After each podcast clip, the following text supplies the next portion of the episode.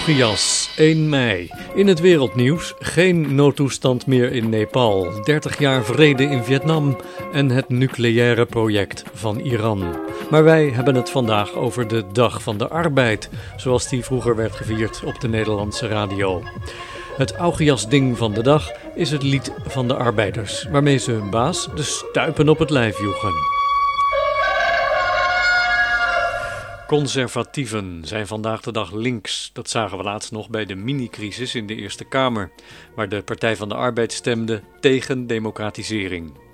Van conservatieven verwacht je dat ze tradities in ere houden, maar het linkse conservatisme laat het daarin lelijk afweten. Vroeger had je een socialistische omroep, de VARA. En daar hoorde je op 1 mei traditioneel het lied De Internationale. Tegenwoordig niet meer. En dus doen wij het maar op Augias. Speciaal voor alle schandalig overbetaalde topmannen onder het motto Consumenten aller landen verenigt u. Hier is de stem des volks.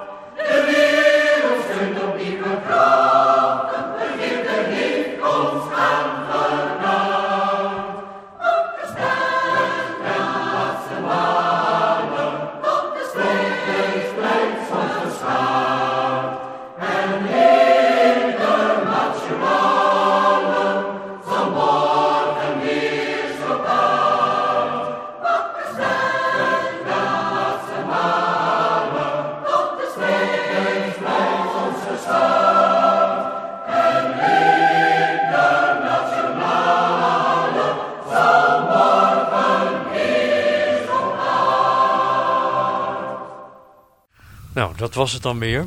Tot de volgende keer. Tot de volgende keer. Tot de volgende keer.